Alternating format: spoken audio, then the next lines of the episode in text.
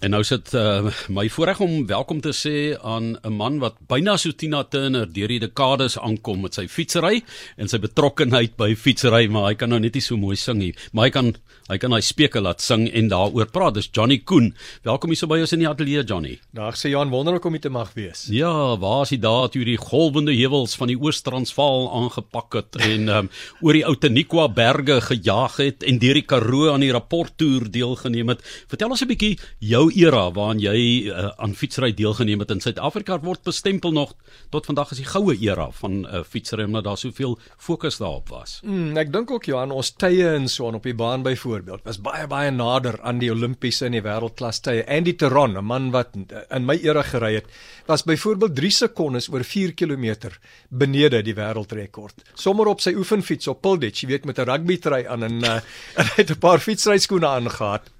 As hy daai Munich Olympics gery het, dan was hy in die derde plek met daai selfde tyd. Ek meen dis is ongelooflik. Vandag se ouens oor 4 kg is amper 'n minuut agter. Jy weet op 'n klein baan is jy 3 rondes agter na die 4 km. Dis 'n lang pad terug. Ja, so dit is nou as jy nou die projeksie maak uit daai tyd en wat jy het, jy kyk anders as byvoorbeeld as jy nou 'n rugby span moet kies oor 'n eeu of 'n cricketspan uh, is dit byna 'n onmoontlike taak want jy het al baie mense net van gehoor nooit gesien speel nie en dit is op hoor sê dat jy spelers kies.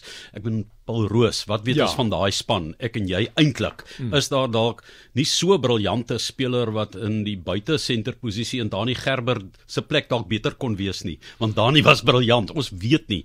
Maar hier het jy 'n stopperlosie, jy tyd en jy kan dit daaraan meet. En jy sê dit was 'n rugby trui en 'n ou ou fiets wat wat hy aangegaan. Kyk, dit was dit was 'n goeie fiets. Hy het, het sy behoorlike fiets gery. Ek ek uh, ek ek dink ek oordryf 'n bietjie, maar dit was maar 'n gewone ou fietsry trui. Ek dink nie eens dat hy val helm aangegaan nie. en hy daar op Pulwich uh, gery, jy weet, 'n 452 hy het hy daai tyd of amper 5 minute op op Bloemfontein het hy gaan 'n 452 ry wat vir iets soos 30 jaar as die rekord staande gebly het. Maar dit was dit was 3 sekondes of iets buite Olimpiese medalje en iets soos 5 6 sekondes buite die wêreldrekord. Dis ondenkbaar. Johnny provinsiale fietsry was mm -hmm. baie sterk en ehm um, jy weet mense sê altyd soos byvoorbeeld ander sportsoorte jou klub sportsoorte moet sterk wees, maar provinsiaal was geweldig kompeterend daardie tyd. Jong Johan, dit dit begin nog 'n trappie benede. As jy kyk na die klubs, daai daar moes jy aan 'n klub behoort om 'n SA fietsry lisensie te mag kry.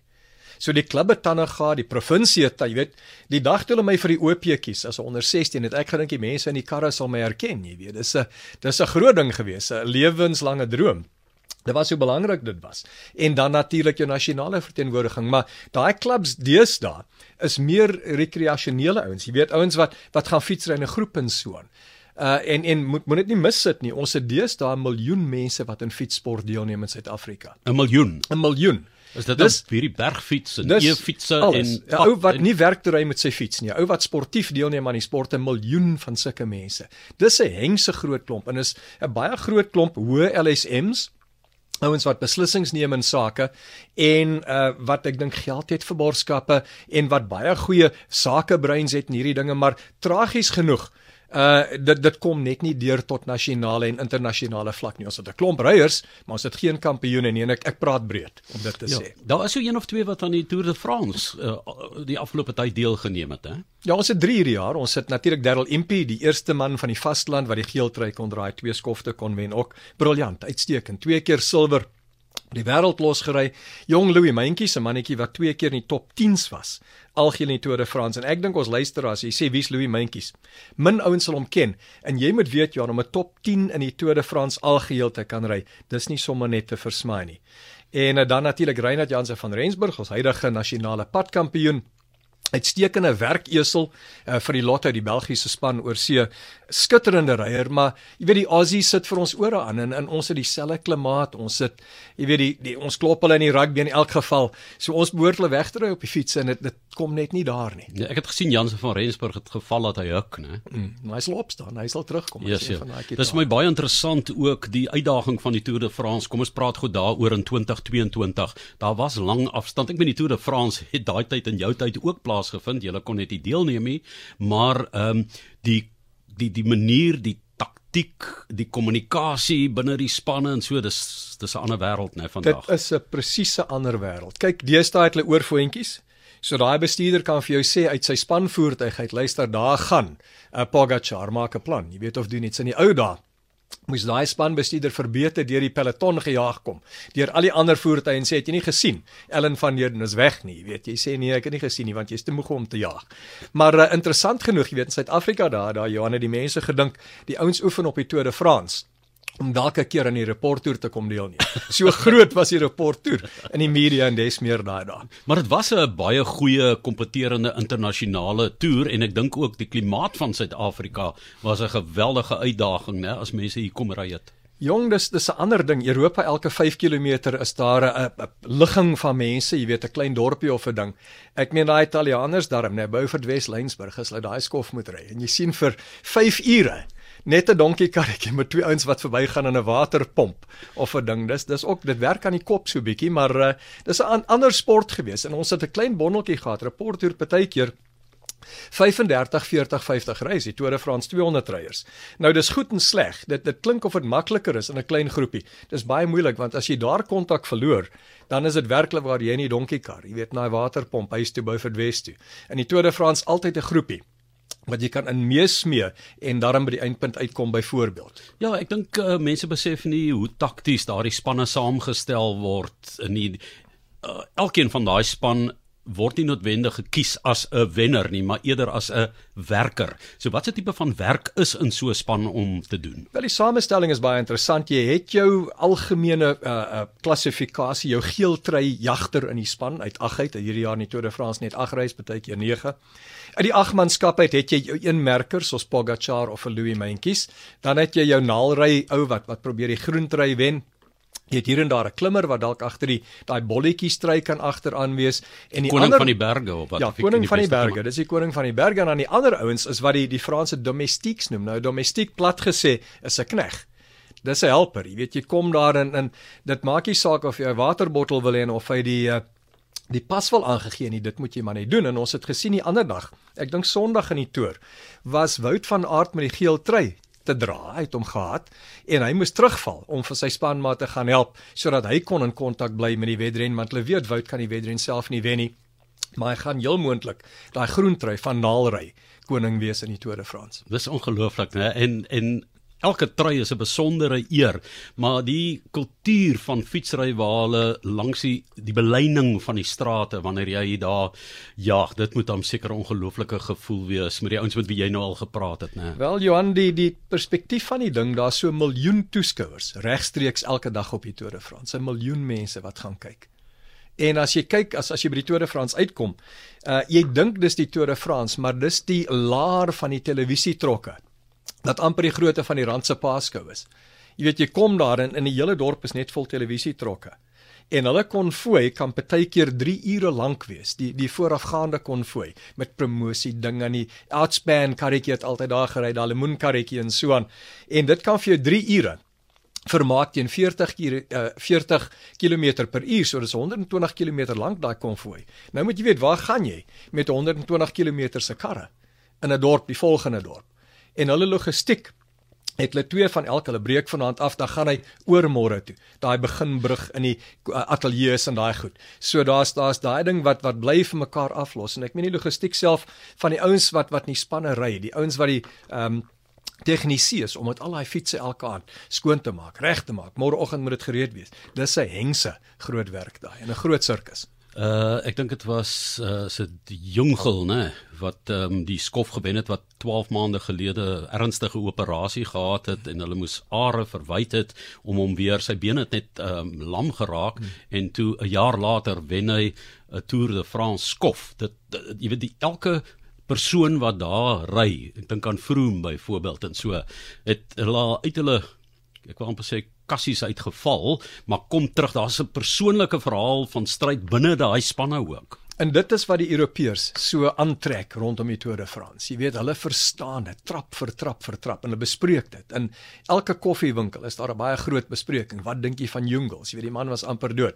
Nou kom wen hy en in ek meen in Parys byvoorbeeld, die week voor die voor die aankoms, voor die uiteindelike eindpunt verrigtinge daar het al hierdie dametjies wat jou ryk goed en jou mooi maak goed en so aan verkoop het geel rokkies aan vir die Tour de France. Jy weet dit uh, dis nie net 'n ding wat kom en gaan nie. Parys maak hom gereed vir die aankoms van die Tour de France vir 'n jaar voor die tyd en so aan. Dis dis 'n dis 'n mega ding. Dis 'n groot ding. Hmm. Dink jy die Lance Armstrong beeld is nou al afgeskit van fietsry daar?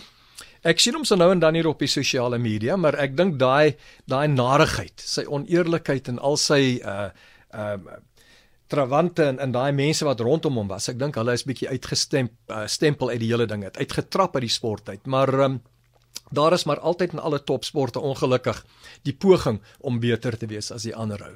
En die geheim nou is is natuurlik die ouens bly binne die perke, maar hoe naby aan daai perk kan jy kom want een of ander tyd sê die die wêreldliggaam of die uh, IOC sê raai daai middel gaan ons nou verban en dan het jy natuurlik weer probleme daar. Maar ek dink dis baie skoner. En 'n ou kan sien hoe ry hulle nou. Die nuwe manne soos Pogacar wat gekom het, hierdie sub 25, sub 30 jaar ouens. Hulle ry daai Tour de France op 21 enkel dae. Daar's geen manier wat jy opkikkers kan vat en elke dag absoluut in die rooi ry en môre weer vars wees nie. Dit kan ek vir jou sê. Dit uh, hierdie manne ry vir die ou ooms laat hulle toeskouers word op die Tour de France.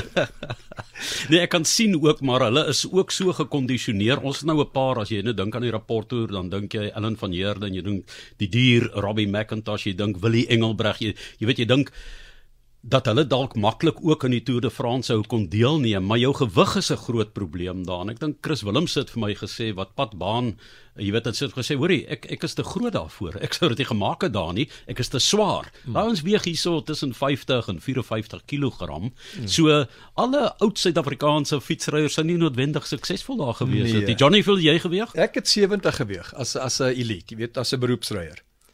En uh, dis dis meer van die teikengewigte wat hulle van sê en 1 meter wat ook al 75 80 is min of meer jou teikenlengte. Maar dis die die happy mediums wat die Engelsman sê. Dis die uitsonderings wat wen. Jan Ulrich was groter en sterker en die manne soos Pogacar is kleiner en ligter jou middelou wen dit nooit nie. Dis die uitsonderings wat daai middel uh data dink ek aan aan ons teweeg bring as jy so daaroor dink. Maar ja, Chris Willems is dalk twee fietsryers op die Tour de France ja, gewees want hy was hy was diep in die 70. Ja, maar van hom gepraat man. Hy het vir Eddie Merckx hiernatoe gebring, die wêreldsportman van die jaar in 'n stadium hmm. uh wat die koning van die Tour de France ja. was. Mense het dit toe besef hoe groot in statuur daardie man was wat Suid-Afrika besoek het nie, né? Sjoe. Kyk, daar was die die Vlaams, die Vlaminke sal vir jou sê, daar was maar net een merks. En daar sal nooit weer 'n ander wees nie. En 525 oorwinnings, 5 toes de France, jy weet, drie keer die wêreldkampioen. Ons kan aangaan. Uh ja, Chris het hom in 86 hiernatoe gebring en ons het so toets gery teen een van die wêreldbaanspanne, ouens wat 6 dae se wedrenne gery het by Hector Norris Park. En uh een van die storieetjies, hy het toe later na die Cape Town Cycle Tour gekom.